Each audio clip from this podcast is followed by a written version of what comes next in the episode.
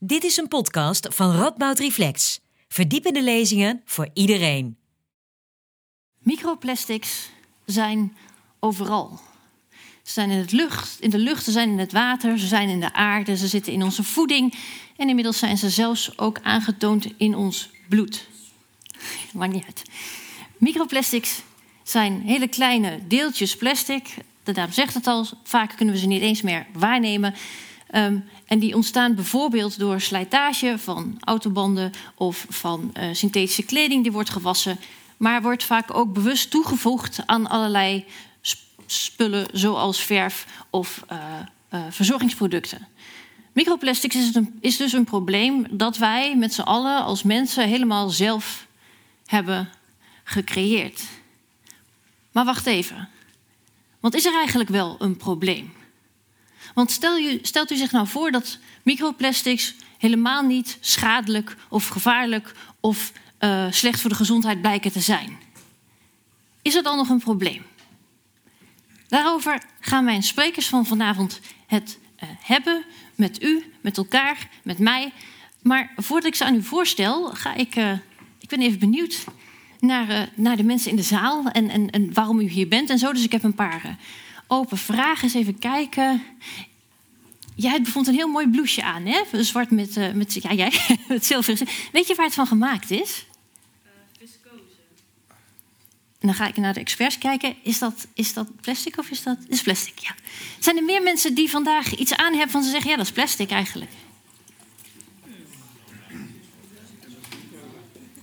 Heeft iemand iets synthetisch aan? Ja? Viscose of wat hebben we nog meer? Acryl of... Uh, Ik zie helemaal geen handen. Heeft niemand iets aan? Even als, ja. en, en wie van u weet dat die synthetische spullen dus zorgen voor microplastics in de natuur?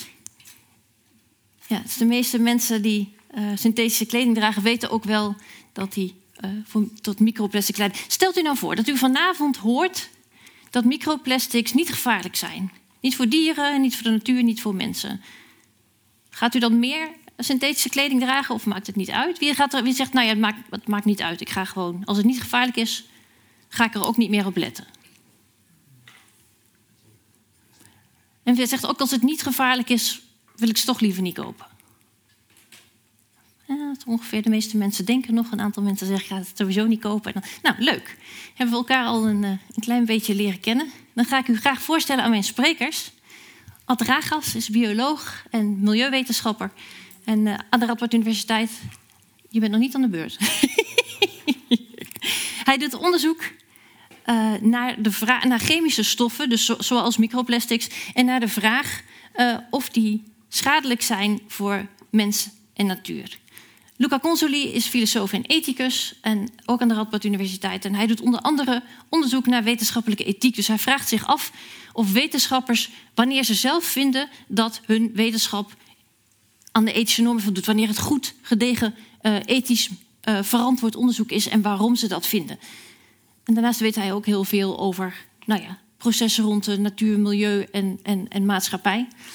Um, ze geven vandaag allebei een korte lezing van 20 minuten. En daarna ga ik met ze in gesprek, maar is er natuurlijk ook ruimte voor jullie eigen vragen. Mijn naam is Liesbeth Jansen, ik ben programmamaker bij Radboud Reflex. En ik wens jullie namens Radboud Reflex en de Green Office, want dit is een samenwerking, uh, een hele mooie avond. Fijn dat jullie er zijn. Ik geef graag het woord aan Ad Ragers. Ja, dankjewel uh, allemaal en uh, goede avond. Um, het idee is dat ik jullie vooral iets ga vertellen over de natuurwetenschappelijke feiten, zal ik maar zeggen, van microplastics, in zoverre we dat weten. Um, um, ik ben inderdaad van oorsprong bioloog, uh, noem mezelf tegenwoordig ja, iets breder milieukundige. En hou me dus bezig met uh, de humaan en ecologische risicobeoordeling van chemische stoffen. Dat wil eigenlijk zeggen dat ik vooral die vraag probeer te beantwoorden: hoeveel mag er van een chemische stof in bodem, water, lucht zitten voordat uh, dan wel de natuur niet meer goed functioneert, dan wel dat mensen ziek worden. Dus wat, wat, is veilig en wat niet? Daar zit natuurlijk een, normatief aspect aan. Um, ik hou me bezig met stoffen als, uh, als, pesticiden of algemene chemicaliën. Maar de laatste jaren ben ik eigenlijk helemaal gespecialiseerd in farmaceutica. Dus hebben jullie nog vragen straks over medicijnresten in het milieu, dan mogen jullie die ook stellen. Um, maar ik hou me ook nog bezig met, uh, met plastics en dan vooral uh, microplastics. En daar ga ik jullie vandaag het een en ander over vertellen. En, en, ik begin maar gewoon met een vraag. Uh, het is al een beetje aan de, aan de orde geweest, maar. Uh, oh ja, sorry. Dit, ga ik uh, ongeveer vertellen. wat zijn nou eigenlijk microplastics? En dan ga ik inderdaad, dat is de eerste vraag die ik voor jullie heb. Dan iets over de bronnen. Waar komen ze nou eigenlijk vandaan? Hoe gaan ze door het milieu heen? Dan een belangrijke vraag, denk ik, wat zijn de effecten? En tot slot nog iets over oplossingsrichtingen. Maar wie wil er een poging wagen? Wat zijn microplastics? Want ik denk dat we intuïtief allemaal best wel weten wat dat eigenlijk zijn. Het zijn hele kleine deeltjes plastic, wat eigenlijk een soort versmolten olie is. En die zijn zo klein dat ze meestal kunnen oplossen in water. Um, en daardoor in uh, water, dieren, planten, bodem en overal anders terecht kunnen komen. Bijna helemaal goed. Weet je ook hoe groot ze zijn, of niet? Ook in de nanometers, want ze heten micro, dus okay. micrometers. Weet, weet iemand het? Ja, ik weet Marina, die zit te springen, maar die weet het waarschijnlijk. Weet, je, weet jij het of niet? Ja, 5 mm kleiner. Ja, heel goed. Dus 5 mm of kleiner. Dus uh, ik, ik heb, ja, er zijn op het internet heel veel definities te vinden van microplastics. Maar uh, um, uh, eigenlijk wordt gezegd alle plastic deeltjes inderdaad gemaakt van olie. Hè, maar dan zijn het polymeren geworden uiteindelijk. Waardoor ze overigens slecht oplosbaar zijn in water. Ze zijn dus niet oplosbaar als een chemische stof, niet als suiker of zout. Maar ze, ze drijven in water vaak. Dus ze zijn eigenlijk niet oplosbaar. Um, de bovengrens is 5 mm. Alles wat er kleiner is, dan noemen we dat microplastics. En zijn ze kleiner dan 100 nanometer, noemen ze ook nog wel nanoplastics. En eigenlijk, als ik één boodschap aan jullie mee wil geven, is, um, is dat. Nou, misschien wil iemand wel raden wat ik wil gaan zeggen nou. Wat zou het verschil zijn met bijvoorbeeld een pesticide of een, uh, een medicijn? Of, uh,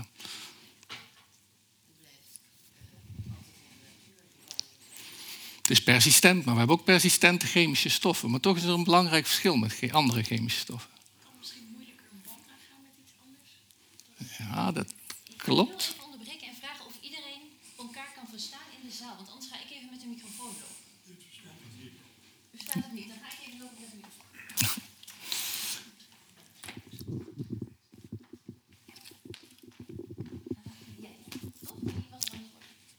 Ja, ja, ja, ja, ik dacht dat er misschien een verbinding aan kan gaan, of juist niet, uh, met andere. Over het algemeen is het vrij inert. De plastics zijn eigenlijk, daarom worden ze ook zoveel gebruikt. Hè. Ze zijn isolerend, ze zijn blijven persistent en ze, reageren eigenlijk nergens mee. Dus dat is eigenlijk hartstikke fijn. Maar ze verdwijnen dus ook nooit uit het milieu. Dat is weer een nadeel.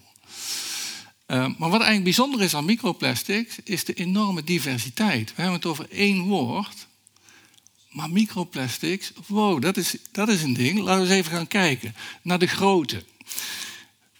Als ik 5 mm uitvergroot naar, naar de lengte van de Golden Gate Bridge, hoeveel is dan 100 nanometer? Dat is net zo breed als groot als. Dus we hebben het over deeltjes die variëren van de doorsnee van de, de, de Golden Gate Bridge in, in de San Francisco tot zo groot. En dat noemen we allemaal microplastics. Dus het is, niet, het is, ja, het is een enorme variëteit. Een andere variëteit, dit noemen we ook allemaal microplastics, is de vorm waarin ze voorkomen. We hebben van die ronde deeltjes, die twee die jullie zien, dat zijn vaak de microbeads. We zien schilfers, vaak bijvoorbeeld afgebroken plastic of, uh, of uh, verfdeeltjes. En linksboven zie je de textielfibers. Maar die zijn totaal qua vorm totaal anders dan die ronde deeltjes. Dus het is we noemen het wel allemaal microplastics, maar het is een enorme diversiteit. Diversiteit ook aan kleur. Uh, nou, je zou denken, is dat zo belangrijk? Nou, veel microplastics worden gemeten met een spectrofotometer. Met name die zwarte deeltjes zijn ontzettend moeilijk te meten in, in het milieu op die manier. En het zijn enorme diversiteit aan polymeren. Het werd al even genoemd. Polyethyleen, polyvinylchloride, noem ze allemaal op. Het zijn allemaal microplastics, maar ze zijn chemisch qua structuur toch echt heel anders. Dus wat ik vooral mee wil geven is van, uh, we hebben het over microplastics, maar houd in de gaten dat er echt een enorme diversiteit is aan microplastics. En dat maakt het onderzoek ook verschrikkelijk lastig. Want de ene onderzoeker die pakt, uh, die pakt bolletjes van 100 nanometer en de andere van 5 millimeter. En dan stellen ze daar bijvoorbeeld vissen aan bloot en kijken ze naar de schadelijke effecten. En de ene die vindt niks en de andere die vindt heel veel effect. Het hangt maar net af van wat voor soort microplastics je pakt. En ja, dat is dus voor, voor onderzoekers is dat een, een gigantisch probleem. Oké, de bronnen. Waar komen ze vandaan? Nou, deze die kennen jullie waarschijnlijk allemaal, want die is groot in het nieuws, ook vaak in het verleden geweest. Um, de cosmetica, hè, de, de tandpasta's, maar ook de scrubcremes en dergelijke, waar uh, plastics aan worden toegevoegd. Um, hoe belangrijk denken jullie dat, uh, dat die zijn? Wie denkt dat dat meer dan 5% van de microplastics in het milieu zijn? Ja, een aantal handen. Nou, kom er dadelijk op terug. Het antwoord komt dadelijk, komt dadelijk terug. Zo, zo we gaan kijken. Um, de nurdle, zoals genoemd, dit zijn eigenlijk uh, de plastics die door de grondstoffenindustrie worden gemaakt om eigenlijk andere plastic producten van te maken. En dus de hele plasticindustrie werkt met van die nurdles en die worden dan omgesmelten in het plastic wat je wil hebben. Maar ja, er worden dus echt scheepladingen vol heel de wereld over ge, getransporteerd en er lekt wel eens iets. Dus op, met name op plekken waar veel plastics getransporteerd worden en rond fabrieken waar die omgesmolten worden, vinden we heel veel van dit soort kleine nurdels. Ik weet niet of je wel eens op, uh, op het strand hebt gelegen, maar als je dan een schepje strandzand neemt en je gaat er zo eens doorheen, dan kom je die dingen nog wel eens uh, tegen, omdat ze van de boot zijn uh, gelekt. En uh, deze, met dank aan Marina moet ik zeggen, um, die wist ik eigenlijk helemaal niet, maar zelfs tegenwoordig kunstmest, om de vertraagde afgifte van de mest uh, beter te laten lopen, worden soms verpakt in microplastics. Dus dat is, uh, die, ja, wordt gewoon plastic op het land gegooid waar die, kunst, of die meststoffen in zitten en langzaam, langzaam vrijkomen. Dit zijn de zogenaamde plastics die echt doelbewust als microplastics worden geproduceerd en worden gebruikt. Maar daarnaast heb je ook een hele hoop bronnen die eigenlijk als slijtageproducten. We hadden er net al een paar, die werd al genoemd, de automanden uh, slijtstof. Uh, dat is een belangrijke bron, want we rijden veel auto en elke keer als we remmen of snel optrekken of hard door de bocht gaan, dan slijten die banden en dat komt op het wegdek en dat komt uiteindelijk ook in het milieu terecht. Nou, waar we het ook al over gehad hadden, was uh, de textiel. Steeds meer gemaakt van plastic. En op het moment dat je dat in de wasmachine uh, stopt, dan hangt het een beetje af van hoe die vezelstructuur in elkaar zit. Maar met name de vliestruien, die zijn er vrij berucht om. De goedkope vlies, die, die, die is erg breekbaar. En als je die in de wasmachine stopt, dan komen er echt uh, miljoenen vezels kunnen daarvan afkomen. Tot slot dan de coatings en, en de verven. Ook tegenwoordig hebben we met Axo Nobel een prachtige industrietak in Nederland die dat soort coatings uh, maakt, onder andere. Uh, en die zijn heel mooi, maar op een gegeven moment gaan ze toch kapot en komen die kleine kunststoffen in het milieu terecht en die blijven daar. Tot slot, de derde categorie eigenlijk zijn de microplastics die ontstaan uit de macroplastics. Macroplastics is alles wat groter is dan 5 mm. De plastic zakken, de flessen, noem maar op. En die kunnen uiteindelijk door veel verwering, soms wel honderden jaren lang, kunnen die uh, afbreken en dan ontstaan er steeds kleinere plastic deeltjes en dan worden het dus microplastics. Nou, ik vroeg net al even om een beetje gevoel te krijgen voor wat zijn nou de belangrijkste bronnen. Welke denken jullie dat de belangrijkste is?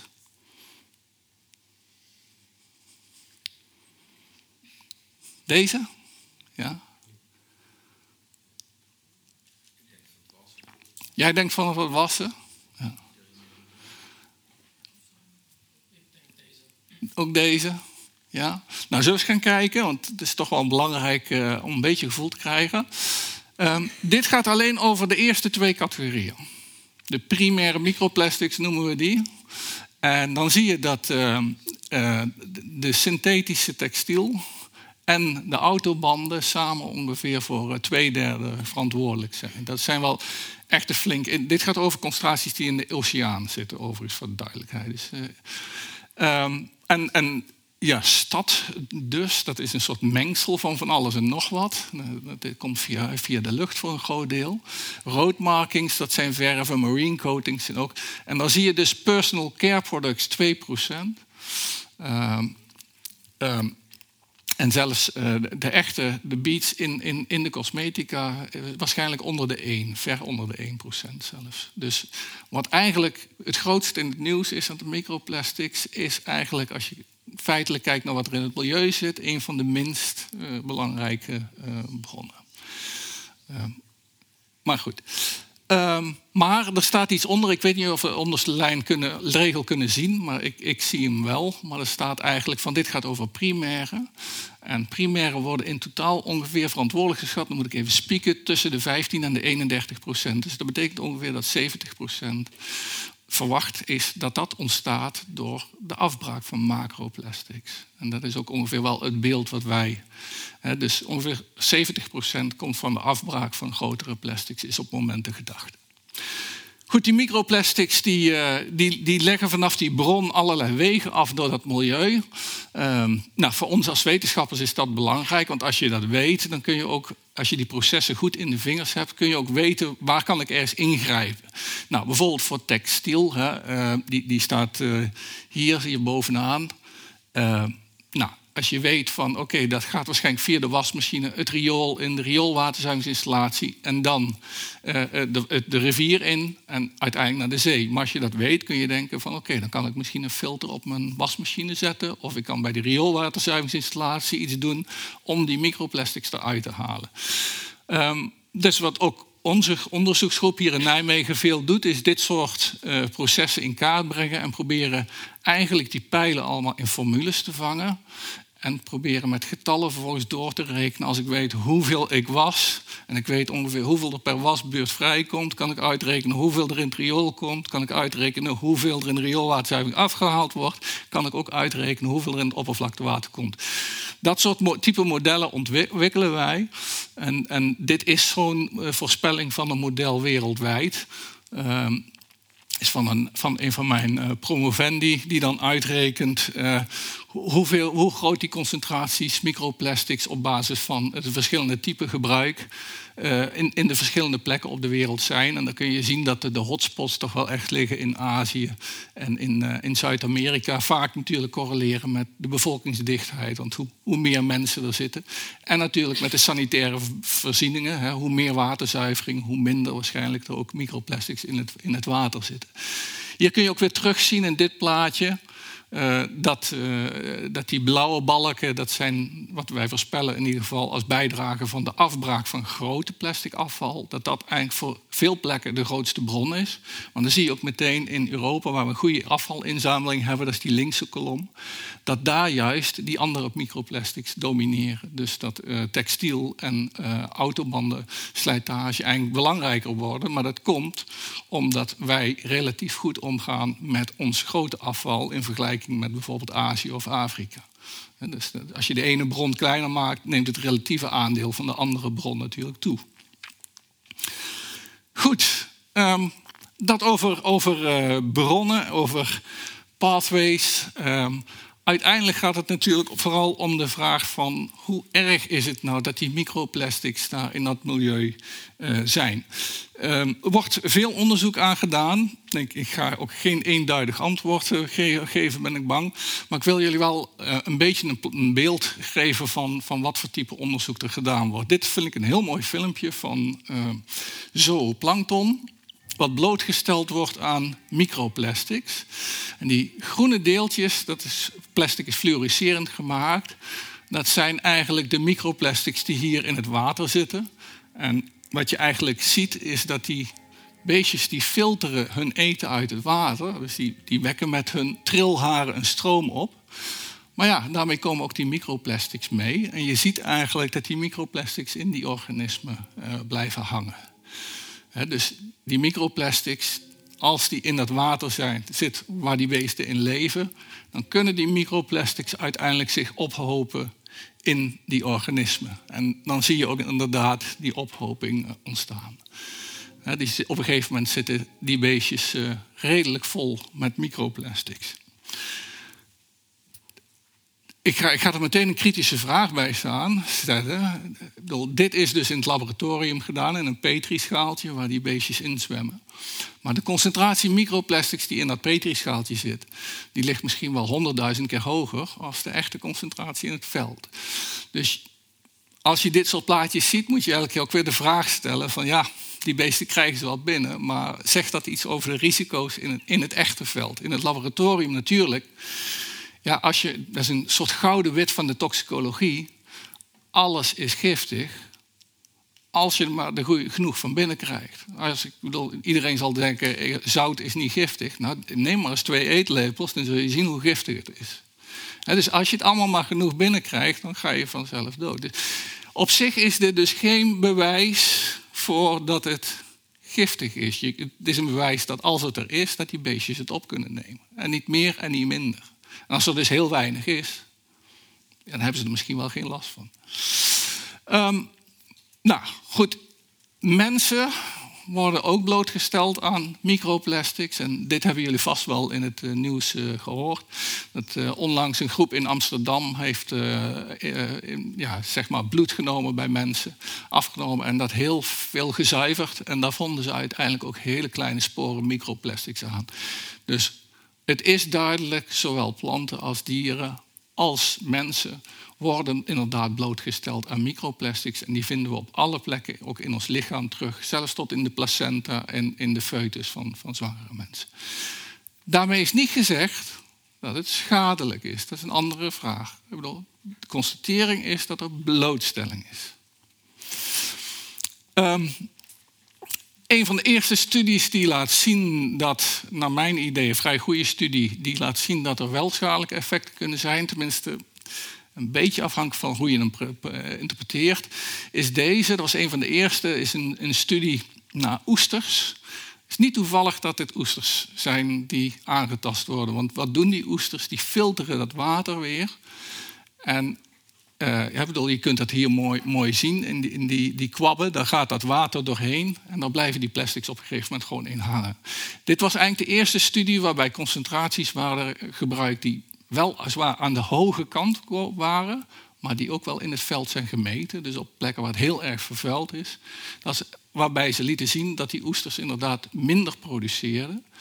En dus dat betekent nou, nog niet zoveel voor de menselijke gezondheid, maar wel veel voor de oesterindustrie, denk ik. Ik bedoel, want als je dan dus nog toenemende concentraties krijgt in de toekomst, dat betekent dat, dat je minder opbrengst krijgt voor, voor de oesterindustrie. Nou, wat, je, wat ik ook toch nog wel even wil laten zien is, uh, is deze. Um, dit is een, uh, een, artikel naar aanleiding van een paper in Science, waar die een aantal jaar geleden een studie van, ik meen, twee Scandinavische onderzoekers publiceerden. Die lieten zien dat microplastics schadelijk waren voor organismen. Um, en dat is uiteindelijk terug moeten trekken. Dus die, die, onderzoekers die hadden de zaak gewoon geflasht. Dus dat is later gebleken.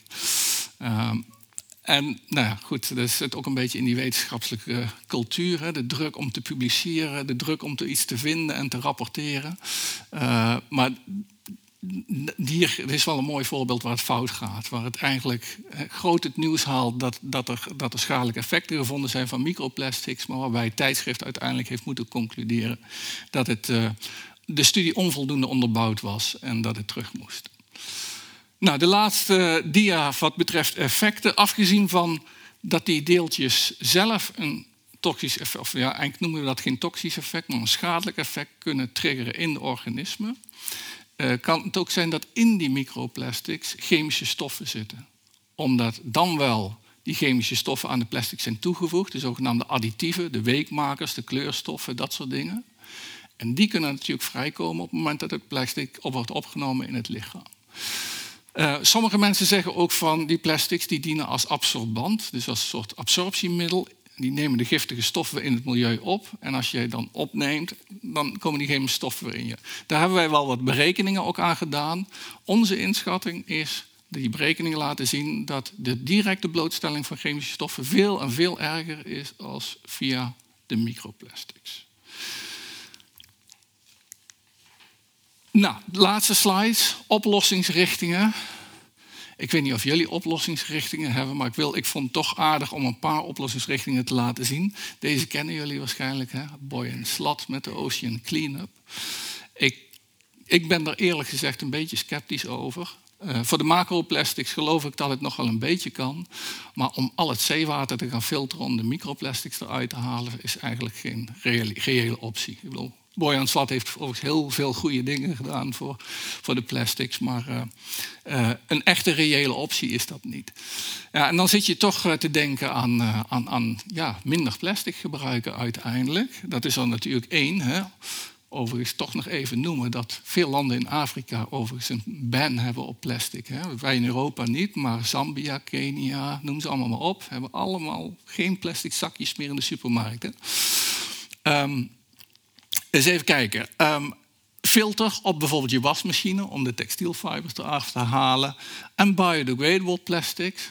Moet ik eerlijk bij zeggen, de, de, vroegere biodegradable plastics, dat waren plastics die uit elkaar vielen, maar dan werden er wel microplastics van gemaakt. Dus die hielpen ook niet zoveel. Dus dat, moet wel echt een goede oplossing worden. Dus vandaar ook dat rapport van, nou goed, biodegradable is mooi, maar dan moet het ook wel echt helemaal volledig afbreken, anders, uh, anders helpt het niet.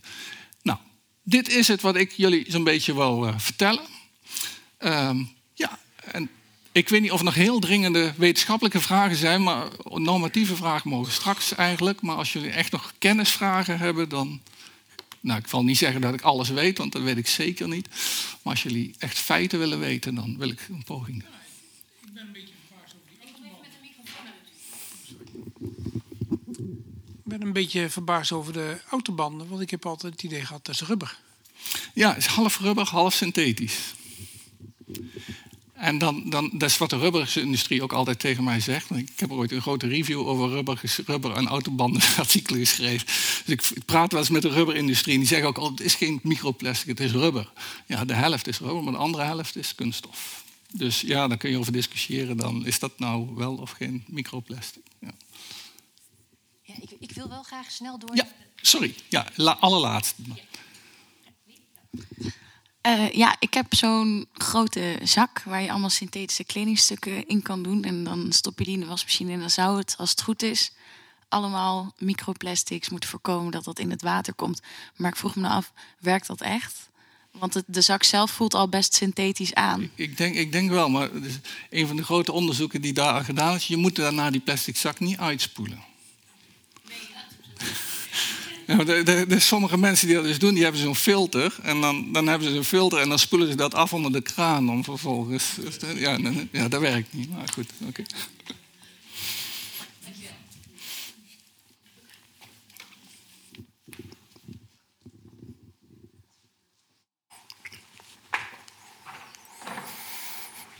Oh ja, er zit al een klok op. Goed. Um, nou, ik uh, weet niet hoe het uh, u vergaat, maar ik ben wel een klein beetje in de war met deze eerste lezing. Want uh, kijk, we hebben een degelijk wetenschappelijke lezing, zoals het hoort. Nuances, nuances en nog een nuances. En dan is interessant om te melden, om te zien dat een van de laatste slides was oplossingen. En ik wil beginnen met een vraag te stellen. Oplossingen voor welk probleem? Na de lezing gehoord hebben van mijn waarde collega. Hebben we een probleem met microplastics of niet?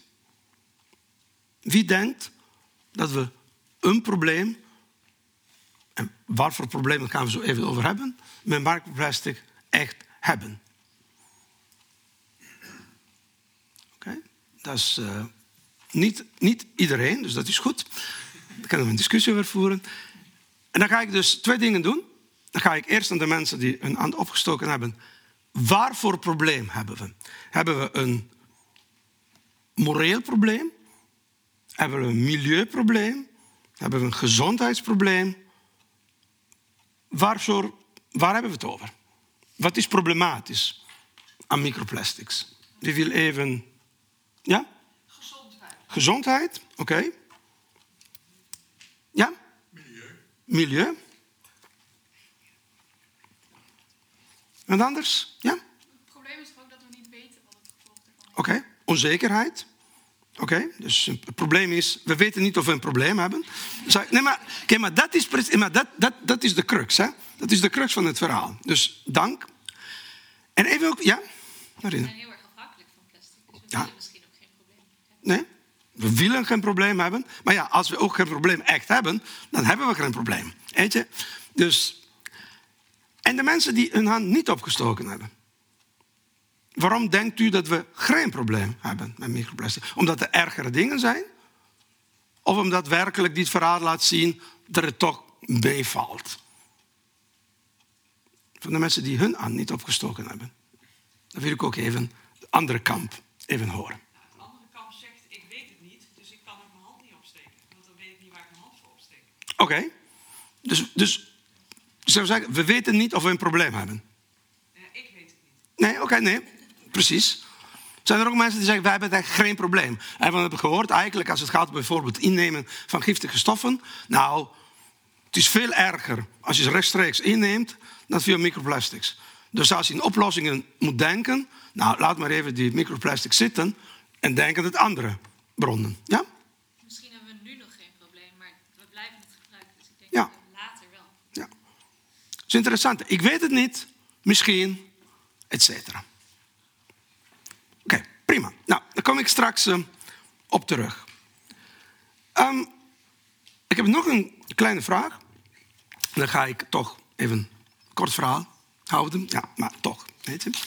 Ehm, het is al veel leuker om een verhaal te houden op basis van input... dan gewoon even zitten eh, preken.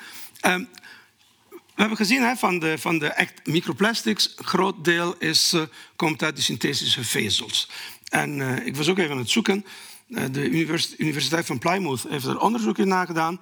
Hebben ze zelfs uitgerekend dat gewoon het dragen van een synthetisch stuk eigenlijk bijna erger is dan het wassen daarvan. Dus ook zouden we zeggen, ja, weet je, ik ga, ik ga ze niet wassen. Nou, prima, dat moet je zelf weten, uiteraard. Maar dan nog ben je alleen maar door het dragen van iets, ben je het aan het verspreiden. Na deze lezing gehoord hebbende, dus nu hebben we de feiten. Nou, Het begon met, ik ga de feiten vertellen. Dus is iemand van mening veranderd ten opzichte van eh, de vraag die jij in het begin stelde? Van oké, dan moet ik wel of niet of minder synthetische kleren gaan dragen. Wie gaat vanaf morgen alle labels controleren? Oh, dat is synthetisch, doe ik niet meer. Want ja, ik heb gisteren bij Radbouw Reflex geweest en nu weet ik dat het eh foute boel is. Ja? Nou ja, misschien wel, maar als de alternatieven nog erger zijn. Bijvoorbeeld de katoenindustrie is ook heel erg vervuilend. Dus dan moet er wel een bepaald materiaal zijn wat je vervolgens kan gaan dragen. Ja, ja. Helemaal goed. Nee, maar ik zal het even herhalen. Van, hè, dus het vindt wat- ja, maar katoenindustrie is ook erg vervuilend. Dus het is een wegen van alternatieven en weet ik veel als consument. Ik kan niet eh 80% van mijn leven besteden aan mij te verdiepen in al dit soort dingen. Weet je? Ik wil gewoon iets wat, waar ik me weer goed bij voel. Dus, eh,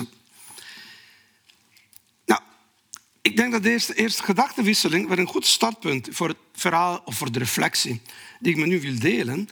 En mijn indruk is, eh, maar ik kom er straks op terug, dat we in de praktijk, dat wil zeggen niet zozeer als het gaat om hoe we denken dat we ons zouden moeten gedragen, maar wat we in feite doen. Er is een heel groot verschil.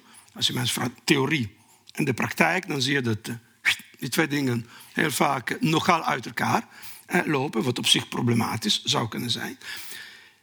Heel vaak wat als een. Want niemand heeft gezegd overigens dat we een ethisch probleem hebben. Dus eh, ik zou zeggen, prima, dan ben ik klaar met de lezing.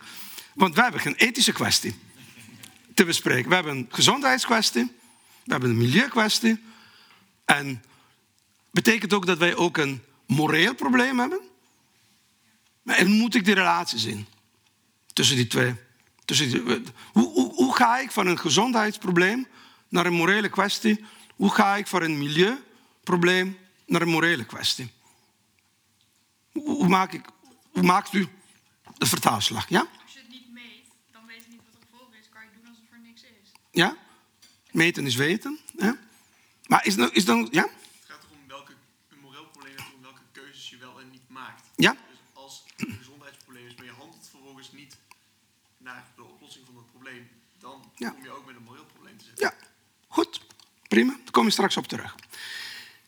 Wat wij volgens mij de discussie tot nu toe over gegaan is, dat het gaat over, laten we zeggen, in hoeverre is dat een probleem en dan, laten we zeggen, aannemen dat we het tot kunnen vertalen naar een moreel probleem. Het gaat heel vaak over wat zijn de consequenties en wat zijn de risico's. Hm? Maar dat was ook een be- beetje het verhaal van vanavond. We gaan daar maar risico's inschatten, kijken de consequenties en dan laten we even wat berekeningen oplossen en dan zeggen we, oké, dan moeten we dus wel doen of dan moeten we niet doen. En het is wel interessant, want het is een heel normale reactie om op deze manier te denken. Maar je zou kunnen zeggen, twee dingen. Dus als het zou blijken dat er geen langdurige consequenties zijn voor mens, milieu en of, daar kom ik straks op terug, ja, dan hebben we ook geen probleem. Want de wetenschap zegt, is niet slecht, dus klaar. Maar wanneer is een consequentie, een effect, negatief? Wanneer is het positief? Wie bepaalt dat? Op basis van welke criteria? En ik wil een voorbeeld geven. Eh, Het ging net over ziek. Hè? Wanneer is iets niet zozeer giftig, maar toxisch? En je kunt zeggen, wanneer word je ziek van iets? Meestal wordt het in percentages, in waarschijnlijkheden uitgedrukt. Dus we gaan met z'n allen concluderen dat als je eh, microplastics er een altijd toeroept, om een termijn van zoveel jaren de kans dat bij een bepaalde doelgroep een bepaalde aandoening met zoveel procent waarschijnlijker is, eh, dat gaat gebeuren. En u kunt de getallen invullen. Hoeveel jaren is het erg? Welke doelgroep? Hoeveel procent? Welke ziekte? Wat, hoe bepaalt u waar de grens is wanneer iets een probleem wordt? Dus wanneer gaan we pleiten voor maatregelen tegen microplastics? Wanneer de kans is dat binnen 10 jaar eh 12% van de bevolking een kans heeft eh, van 12% of een bepaalde ernstige aandoening? Eh, dat er binnen 25 jaar eh, de kans is dat, een bepaald, dat de 16% van de bevolking 17% kans op een bepaalde aandoening heeft? Ik heb geen idee. Maar kennelijk, een aantal van u heeft wel ik kan me voorstellen dat iemand in, zijn, in hun hoofd heeft van... oké, daar is voor mij de grens. Als er meer dan zoveel mensen ziek zouden worden... ja, dan hebben we een probleem. Anders niet. Want of we hebben een probleem, of we hebben een probleem. Ander scenario. Onderzoek wijst uit, dat is de slechtste mogelijke wetenschappelijke uitspraak die je kunt doen. Maar goed, laten we even voor het gemak dat even eh, hanteren. Hè. Dat eh, ehm, de consequenties voor de menselijke gezondheid zijn verwaarloosbaar. Dat blijkt dus, ja, we hebben er eigenlijk niet zoveel last van, want ons systeem kan het goed verwerken. Maar voor bepaalde milieuniches hebben we een probleem. Hebben we dan een probleem of niet? Hoe wegen we wanneer de menselijke gezondheid zwaarder weegt dan de milieu-impact? Want u zou, u, u kunnen zeggen, ja, in, die, in die ideale wereld, het is allemaal eh, drie, drie woordjes letter, zeg maar KUT, dus eh, daar, daar hoeven we niks aan te doen. Maar in de praktijk, het is altijd eh, met die balletjes gooien. En onze keuze, ook wanneer dit een ethisch probleem is van het is slecht, het is onwenselijk, het is allemaal een soort afweging. En ik zou niet weten welke absolute criteria we zouden moeten hanteren als we alleen maar in termen van consequenties denken. En dat is mijn eerste take-home message voor vanavond. Dat is waar het probleem in zit. Het is een hele gebruikelijke, van ze sprekende, automatische manier van denken. Wat het heet in de ethiek het consequentialistisch denken. Namelijk dat wij de wenselijkheid van een handeling altijd laten afhangen van de consequenties. En dat is ingewikkeld. Want dan zou je zeggen dat als je dat extrapoleert tot het extreem, dan kun je zeggen: oké, als het niet schadelijk is, dus geen consequent, negatieve consequentie, dan geen probleem. Is dat wenselijk? Daar kunnen we straks in de discussie over hebben. Ik kan me ook voorstellen dat een aantal mensen tot nu toe heeft zitten luisteren met: waar heeft dit over? Natuurlijk maakt het niks uit of microplastic wel of niet schadelijk zijn. Het gaat om het principe. Bijvoorbeeld, laten we zeggen, vervuilen is fout. Zijn er mensen die denken, onze plicht als uh, rentmeesters van de natuur, ga een beetje hè, zware, ja, ja, zware begrippen gebruiken, of als onderdeel van het organisch geheel. Je kunt het vanuit het gaaienperspectief beschrijven, rentmeesterschap, maakt niks uit, want het boodschap is hetzelfde. Stel dat we zeggen, we hebben een plicht om de natuur zoveel mogelijk te behouden. Ja? Ja, dat is een aantal handen. In dat geval, de consequenties doen er niet toe. Het morele probleem dan is niet of het wel of niet negatieve consequenties heeft. Hè? Dus de wetenschap in die zin, die kunnen we allemaal leuk en vergeten. Want de principe zegt, gij zult niet vervuilen. Om het even zo te noemen. Daar zijn we eruit. En dat heet in, de, in, de, in de ethiek, dat heet het deontologisch denken. Je denkt in termen van plichten, in termen van regels, in termen van principes. En wat dus interessant is, dat er twee manieren van denken, die staan eigenlijk een beetje tegenover elkaar.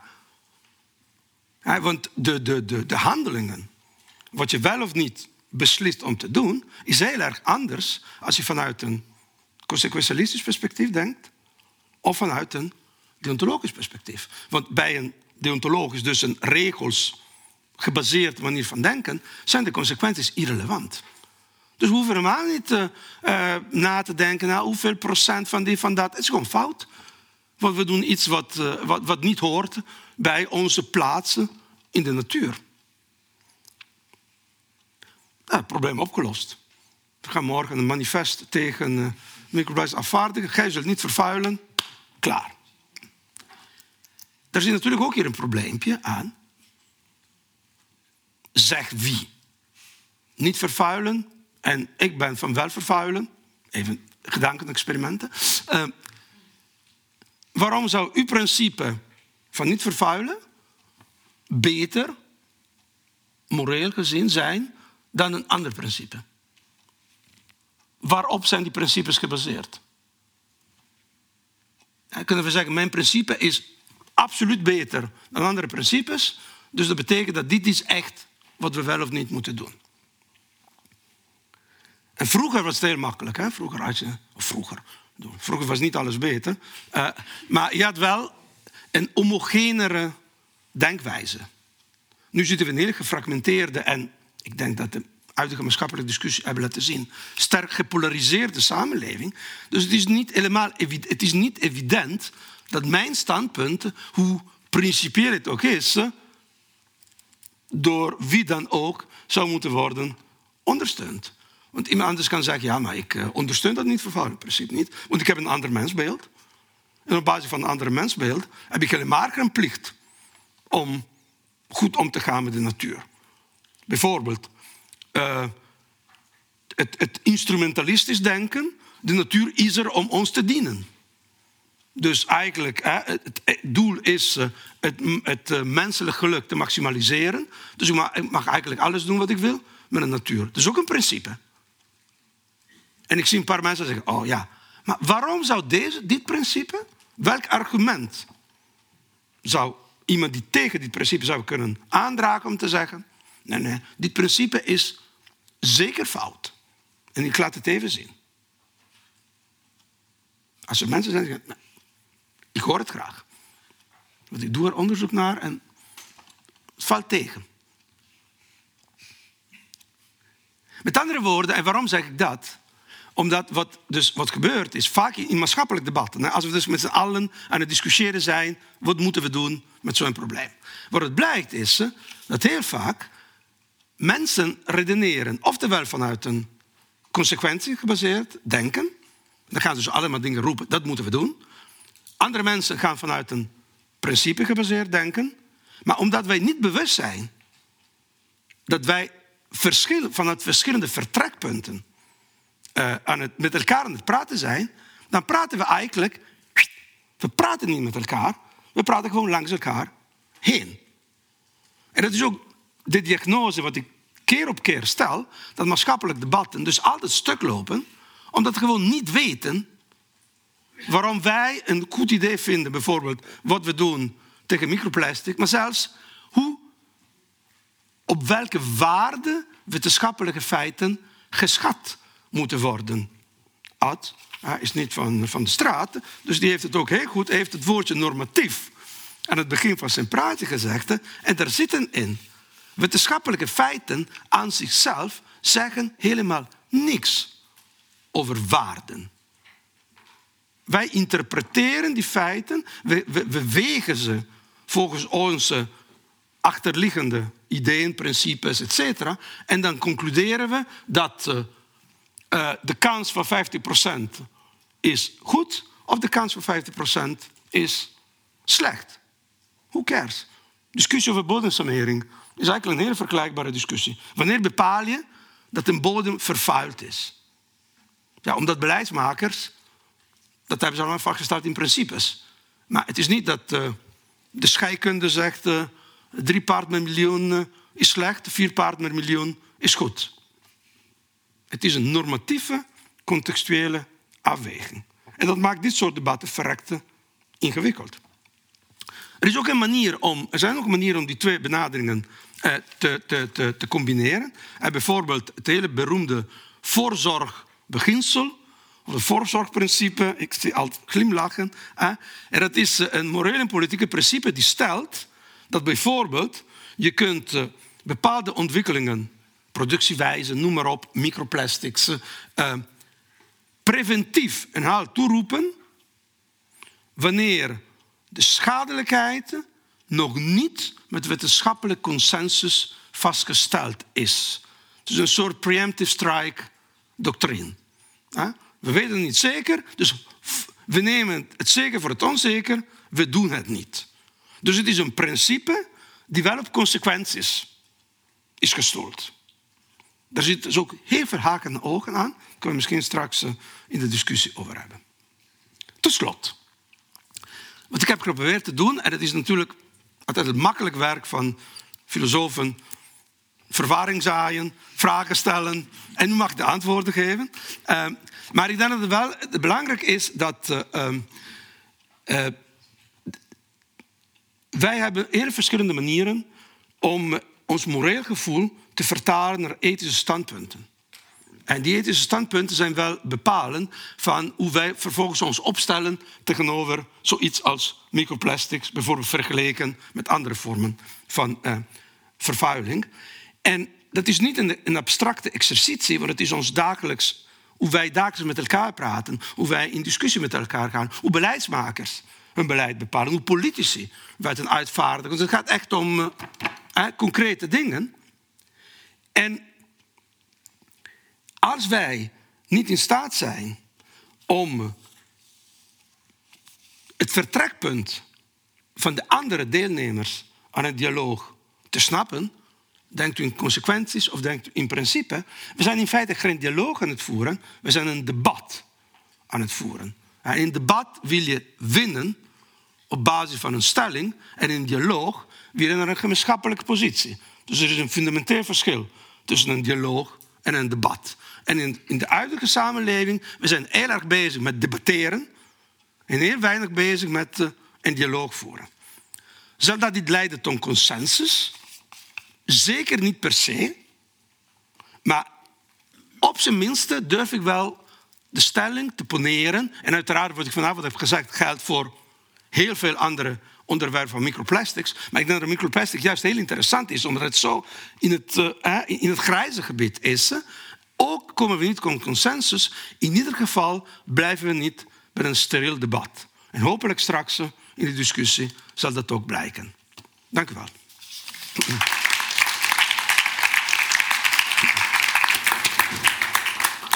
Dankjewel, Luca. Dankjewel, Ad. Als jullie gezellig hier komen zitten, dan kunnen we nog even verder praten. Is de kleur voor eh, Oh, je mag zelf kiezen. rood? Oh, Ja, misschien- ik zal in het midden gaan zitten. Oh, dankjewel. eh. Oh, dat is van Luca. is van mij. Oh, van jou, sorry. Nou, nou Luca, zeg het maar. Wil je een debat of een dialoog? Nou, ik wil een dialoog, uiteraard. Je wilt een dialoog, heel goed. Nou, tenzij, hè, tenzij het duidelijk is dat sommige standpunten, dat men vindt dat sommige standpunten niet vatbaar voor discussie zijn, dan kunnen we ook een debat hebben. Ja. Maar nee, is even tussen jullie twee. Hè? Je- gaan we dadelijk eh, ook de mensen uit de zaal erbij betrekken. Ik, ik wil eerst even aan jou, Ad, want jij hebt natuurlijk net naar het eh, verhaal van Luca geluisterd, wat voor een deel een, rea- een reactie was op je eigen eh, bijdrage. Wat, eh, wat, hoe wil jij reageren? Wat, heb jij, wat is je opgevallen? Ehm, nou, nou, punt vind ik het een leuk, eh, leuk verhaal, wat, eh, wat Luca houdt. Ehm, ik, ik heb heel bewust, me, me- ik, ik hou me bezig met normstelling. Normstelling voor gevaarlijke stoffen, dus dat heet niet voor niks normstelling. Dus eigenlijk in mijn vak zit ook heel erg nadrukkelijk. Daarom vind ik het ook zo leuk. Het is niet alleen natuurwetenschap, maar het gaat juist ook over dat normatieve element. Eh, en eh, ja, heel veel dingen vielen me op, maar dat, dat ik dacht van, oh, daar wil ik even op reageren. Een van die dingen is van hoeveel mensen mogen er doodgaan. Nou, dat hebben we in Nederland afgesproken overigens gewoon. Hè. Dus zo'n kankerverwekkende stof mag 1 op de miljoen mensen per jaar doodgaan als gevolg van de blootstelling aan kankerverwekkende stof. Hoeveel natuur mag er dood, do- doodgaan? Eh 95, pro- nee, maximaal 5% van de soorten in een ecosysteem mag blootgesteld worden tot op het niveau waar eh, schadelijke effecten optreden. Eh, dus da- daar hebben we echt normatief met Nederland heeft daar gewoon, eh, de, of ja, de regering of de overheid namens ons heeft daar met, met dat soort normen ingesteld. En die worden ook gebruikt om dan vervolgens dat, eh, ik bedoel, dat doe ik in mijn, in mijn cursussen. Dan ga ik studenten uitleggen hoe vertalen we dat getal nou naar hoeveel benzine er in de lucht mag zitten bijvoorbeeld. Hè. Dus, dus het is, eh, de normen, het begin, normstelling begint met maatschappelijke normen. En wat vond je van Lucas' punt dat we eigenlijk daar niet, niet zo zitten, dat we eigenlijk nog een stapje verder moeten zetten en zeggen we moeten kijken naar principes? Ehm, mijn, mijn eerste stelling zou zijn eh, dat als, als we de kennis zouden hebben, zou elk principe consequentie. Welk woord gebruik je dan? Consequentialistisch. Consequentialistisch, die moet ik nog even oefenen. Eh, maar, maar, maar als we de gevolgen van ons handelen precies tot. Hè, bedoel, als ik jou met een geweer richt, waarom verbieden we dat? Omdat ik de consequentie perfect ken. Ehm, op het moment dat die kennis er niet is, eh, eh, moet je terug naar andere principes. Oké. En, eh, en dat zie je natuurlijk. Bij microplastics is er heel veel kennis niet. En dan moet je dus naar, naar meer generiekere, hogere dingen. En dan kom je dus uit bij dingen als van ja, maar wacht even. Die microplastics, die horen daar volgens mij niet. En we hebben toch zure regen gehad. We hebben broeikaseffect gehad. We, hebben- we weten, we hebben stikstof gehad. We weten gewoon als we grote hoeveel, als we die kringlopen op aarde verstoren, dat dat op de lange termijn schadelijke effecten gaat hebben voor dan wel de volksgezondheid, dan wel voor, eh, voor het milieu. Als we niet weten, kunnen we niet vanuit principes. Ja, dat is wel heel interessant. Want we, we zouden, ik zou een cursus kunnen geven op de stelling eh, van, van Ad. Dus dat, is een bekend, is een bekende positie. Hè. Dat je valt terug op principes op het moment eh, dat je kennis eh, incompleet is. Dus in feite, principes zijn ondergeschikt aan consequenties. En vanuit de ethiek zou je kunnen zeggen dat je kunt er ook anders over denken. Je kunt zeggen, een echte principiële standpunten eh, trekt zich niks aan van consequenties. Eh, en de- die, die, die, die valt terug op andere principes, zoals het moet eh, universaliseerbaar zijn. Eh, het is een bekende verhaal van Kant. Van, Kant zegt ja, bijvoorbeeld een leugen vertellen. Kant zegt ja, leugen, liegen is altijd fout. Want je kunt het niet als universeel principe uitvaardigen. Soms zeggen leugentje om be- om best wil. Dan zou ik zeggen, nee, dat is ook fout. Want als iedereen dat doet, dan wordt het een, wordt het ellende. Hè? Dus in die zin, je kunt wel degelijk consequenties en principes loskoppelen. En je kunt zeggen, bijvoorbeeld vanuit een, eh, eh, vanuit een, een milieucentrisch begrip. Op het moment dat wij vinden dat, dat, dat wij als mensen geen heerschap op de natuur mogen hebben, dan eigenlijk moeten we het alle tijden zien te voorkomen dat wij te veel invloed op de natuur hebben. en consequent is, be damned. Ook zou de conclusie zijn, er is niks aan de hand. Toch zouden we nog steeds niet mogen doen. Dus in die zin, die kun je echt uit elkaar trekken. Ja, over principes gesproken, volgens mij is een van de principes die hierbij ook een rol spelen. En die vond ik net iemand in het publiek zei iets wat ik mooi vond. Op, op antwoord op de vraag van, goh, draagt u synthetische kleding? Ja, want de katoenindustrie is ook heel erg vervuilend. Dat is een heel goed punt. En dat is natuurlijk een, een afweging. En, nou ja, dan, dan denk ik, goh, wie is er eigenlijk verantwoordelijk? Hè? Want je krijgt een beetje het gevoel dat de consument voor alles verantwoordelijk is. En wat moet je dan wel aan?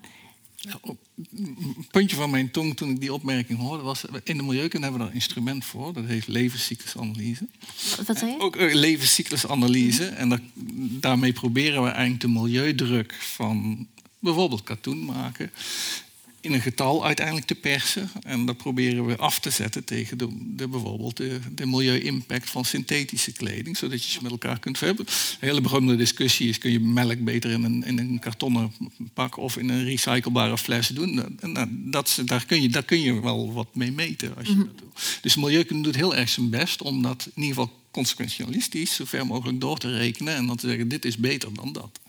Dus daar, daar, is, daar zijn wel oplossingen voor. Het is enorm veel werk om dat te doen overigens. Maar dat- je ziet het ook wel steeds meer in labels terugkomen. Hè. Dit, A, B. Hè. Dit is in- beter voor het milieu dan dat. En, Maar het is wel nog steeds, dat was het punt, heel erg consumentgericht. Ja. U krijgt meer kennis. Doet u maar uw voordeel mee door anders te kopen, minder kopen, minder te leven. Dus, en, en mijn punt, dat, dat is ook wel erg makkelijk om het op het bordje van de consument te leggen. Hè, van, hey, eh, nu u dat weet en als u alsnog doet, foei. Hè, dan gaan we u aanspreken straks. Hè. Niet de industrie, niet de beleidsmaker, want u had het mogen weten dat het fout was. Eh, Nou, daar heb ik dus enig, daar heb ik ook met, met voeding bijvoorbeeld. Hè. Hetzelfde. Hè. U moet verantwoord eten. Ja, het wordt fout geproduceerd. Ja, doet er niet toe. U moet alsnog verantwoord eten. Want u weet wat fout en wat goed is. Ik ben wel benieuwd. Misschien kunnen we heel even een hand opsteken rondje doen. Wie voelt die druk van dat alles, alle verantwoordelijkheid bij jezelf gelegd wordt? Als het gaat om wat je aan hebt, wat je eet, enzovoort. Ik ook. Ja, ongeveer de helft. Ja, ja wel herkenbaar dus. Ja. Daar heb je invloed op, zegt u. Ja, ja. Mhm. Maar dat legt ook heel veel verantwoordelijkheid bij jezelf. Ja. ja. Vol- volgens mij wilde jij net iets zeggen, hè? Ja, ik wilde nog eh, iets vragen over de... Ik ga even met de microfoon lopen. En misschien kan ik dadelijk, dadelijk mijn collega vragen, want dan kan ik blijven zitten. Eh, ik wil nog even reageren op wat u zei over de kartonnen, de kartonnen pak en de gerecyclede fles. Eh, is dat eigenlijk ook niet op basis van normstelling dat die cijfers geproduceerd worden? Dus als je andere factoren mee, wel of niet mee zou meten, dan kan er een ander getal uit. Waardoor je dus eigenlijk ook de kans hebt om zelf te kiezen wat je meer wenselijk vindt. En dus meer bij jouw principe aan zou sluiten. Zitten daar uiteindelijk normatieve keuzes in? Ja. Want zelfs die wetenschappers die, eh, die kiezen bijvoorbeeld wat ze wel en wat ze niet meewegen. In veel LCA's die 20 jaar geleden waren, zijn gedaan, daar zaten geen microplastics effecten in. Inmiddels zijn we tot dat inzicht gekomen. Dus eh, nou valt het misschien toch weer anders uit. Eh, maar dat- zou niet... Ik bedoel, ja, LCA doet geen uitspraak over is het goed of slecht. Alleen is dit beter dan dat. En dat vind ik, ik vind dat zelf wel een mooie manier van eh, milieudruk verlagen. Omdat als je dat spoor blijft volgen op de lange termijn zou het steeds minder moeten. Dan weet je nog steeds niet of het allemaal uiteindelijk gaat passen binnen de planetary boundaries, zoals we dat tegenwoordig dan noemen. Maar maar het, het, het- je gaat in ieder geval de goede kant op. Maar, maar goed, er zit onzekerheid in. Nee, maar, maar wat je zegt, dat is natuurlijk heel interessant. Hè. Ah, er nou, eerst misschien... eh, ja? Nee, reageer eens maar. Dan komt er Oh ja, nee, weer een ander. Oké. Nou ja, weet je, eh, je zegt beter, hè? Dus eigenlijk een beetje gaat, eh, wat jij zei, er zit toch een ingebouwde, dat heb ik ook zelf gezegd, normatief element. We zeggen, wat is beter? En het, het, het, en het is eigenlijk niet flauw bedoeld, Ja, maar, maar, want dat is precies waar vaak de discussies op stuk lopen. maar Luca, min- minder is toch altijd beter, of niet? Minder CO2-uitstoot is toch altijd beter? Dat weet ik dus niet. Dat is precies het punt. Dat zou- Het kan best zo zijn, binnen een bepaalde, en, en daar kan best consensus zijn. Hè, dus maar, mijn punt is, is, is meer algemeen. Over sommige dingen kun je zeggen, als je kijkt naar bepaalde wenselijke toekomstsituatie, om die wenselijke toekomstsituatie te hebben, kun je vaststellen dat sommige dingen beter zijn dan andere dingen. Maar als het allemaal zo vanzelfsprekend was, hadden we het hele maatschappelijk debat niet. Maar vind jij dan eigenlijk dat we niet zeg maar, die, die stapjes moeten zetten zoals Ad voorstelt, maar dat we gewoon zouden moeten zeggen we moeten er gewoon nu mee kappen, net zoals inderdaad bepaalde Afrikaanse landen doen of Aziatische landen zeggen plastic, stoppen we mee morgen. Kijk, Als ik zou moeten kiezen, ik denk dat in dit geval een ra- radicale stappen in ieder geval eh, beter. En, en waarom zeg ik dat? Omdat vaak het gaat over korte termijn versus lange termijn. Hè? Want je hebt drie dingen laten zien. Ik vond jouw slide over de oplossingen eigenlijk erg interessant. Maar er waren eigenlijk totaal verschillende soorten oplossingen. Tenminste vanuit mijn perspectief. Aan de linkerkant had je leefstijlverandering. Dus een lange termijn oplossing. Aan de rechterkant had je de korte termijn technofix. We gaan een betere filter maken. Daar hoef ik mijn leefstijl niet te veranderen. Want de technologie zorgt ervoor dat die microplastics er, eruit gaan. Het is precies zoals het over milieuverandering... Over, eh, ik- bij mijn studenten gebruik ik altijd het voorbeeld van eh, de stijging van de zeespiegel. Hè. Je kunt twee dingen doen als de zeespiegel stijgt. Je kunt betere dijken bouwen. Dan hebben we geen last van de, van de zeespiegelstijging. Of je kunt de leefstijl veranderen, zodat de zeespiegel niet meer zo hard stijgt. Maar wat je gaat doen in die twee gevallen, de keuzes, de normen die je hanteert en de beleidskeuzes die je maakte, zijn totaal verschillend. De resources die je investeert in welke soorten oplossingen. Dus ik zou zeggen, soms is het beter om toch wat radicaal te denken. We pakken de lange termijn en we gaan ermee kappen. En als we het niet alleen maar kunnen aantonen, who cares? Volgens mij is het altijd niet met je eens.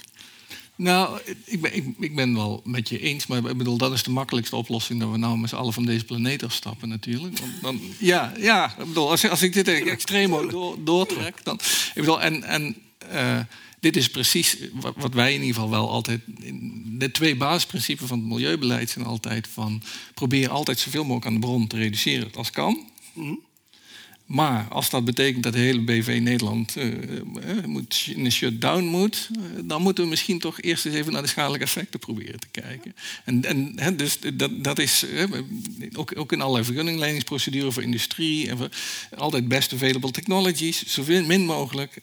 Maar als er nog een restemissie blijft, dan hebben we toch misschien een risicoanalyse nodig. Dus, dus die risicoanalyse is, is zeker niet mijn enige eh, instrument, maar eh, die heb je nodig als het niet anders kan. Ik ben ook een beetje aan het chargeren. Maar mijn punt is, als je binnen het eh, gebruik een beetje hè, het technosysteem blijft denken, ja, dan blijf je uiteraard in dit soort oplossingen denken. Want dit, dit wordt bepaald door de randvoorwaarden. Dus eh, Maar om het even heel concreet te maken, en dan ga ik naar jou, want ik weet dat je een vraag hebt. er was ook daar een vraag. Nee. Twee vragen, dat komt, komt, komt allemaal nog.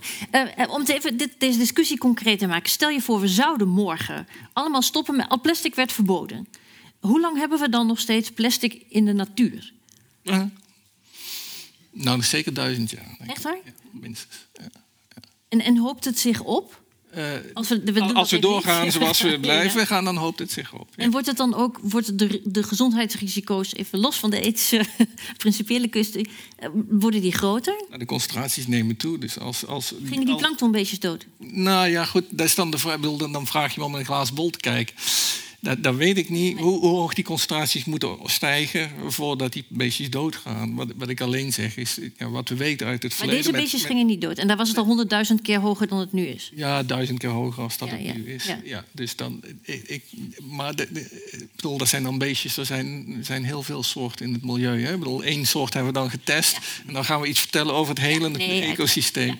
Maar, maar dat zijn dan de onzekerheden waar we werken. Van, van ja, we moeten er rekening mee houden dat, dat, dat als het blijft stijgen, de, de, er is een soort gouden metmatigheid. Als je maar genoeg blijft verstoren, dan gaat er op een gegeven moment iets. Maar ik- misschien weer ook even voor, voor de zekerheid, maar even, even voor zover er sprake zou kunnen zijn van een misverstand, die wil ik uit de wereld helpen. Ik ben een enorme voorstander van wetenschap, een harde wetenschappelijk onderzoek naar dit soort dingen. Alleen, mijn punt is, als je alleen maar daarop baseert om je beleidsbesluiten te maken, en je gaat voorbij aan de principiële discussies, dan, kun je, dan blijf je als het ware de bestaande structuren reproduceren. En wil je radicale verandering hebben, dan moet je in staat zijn aan de bestaande structuren te kunnen stappen. En dat, dat kan de wetenschap minder bij helpen dan denken in het hebben van principes. Dat is mijn genuanceerde positie, zou ik maar zeggen. Dus, uh. Helder. Fijn dat u er was. Graag een hartelijk applaus voor Ad Ragas en Luca Consulli.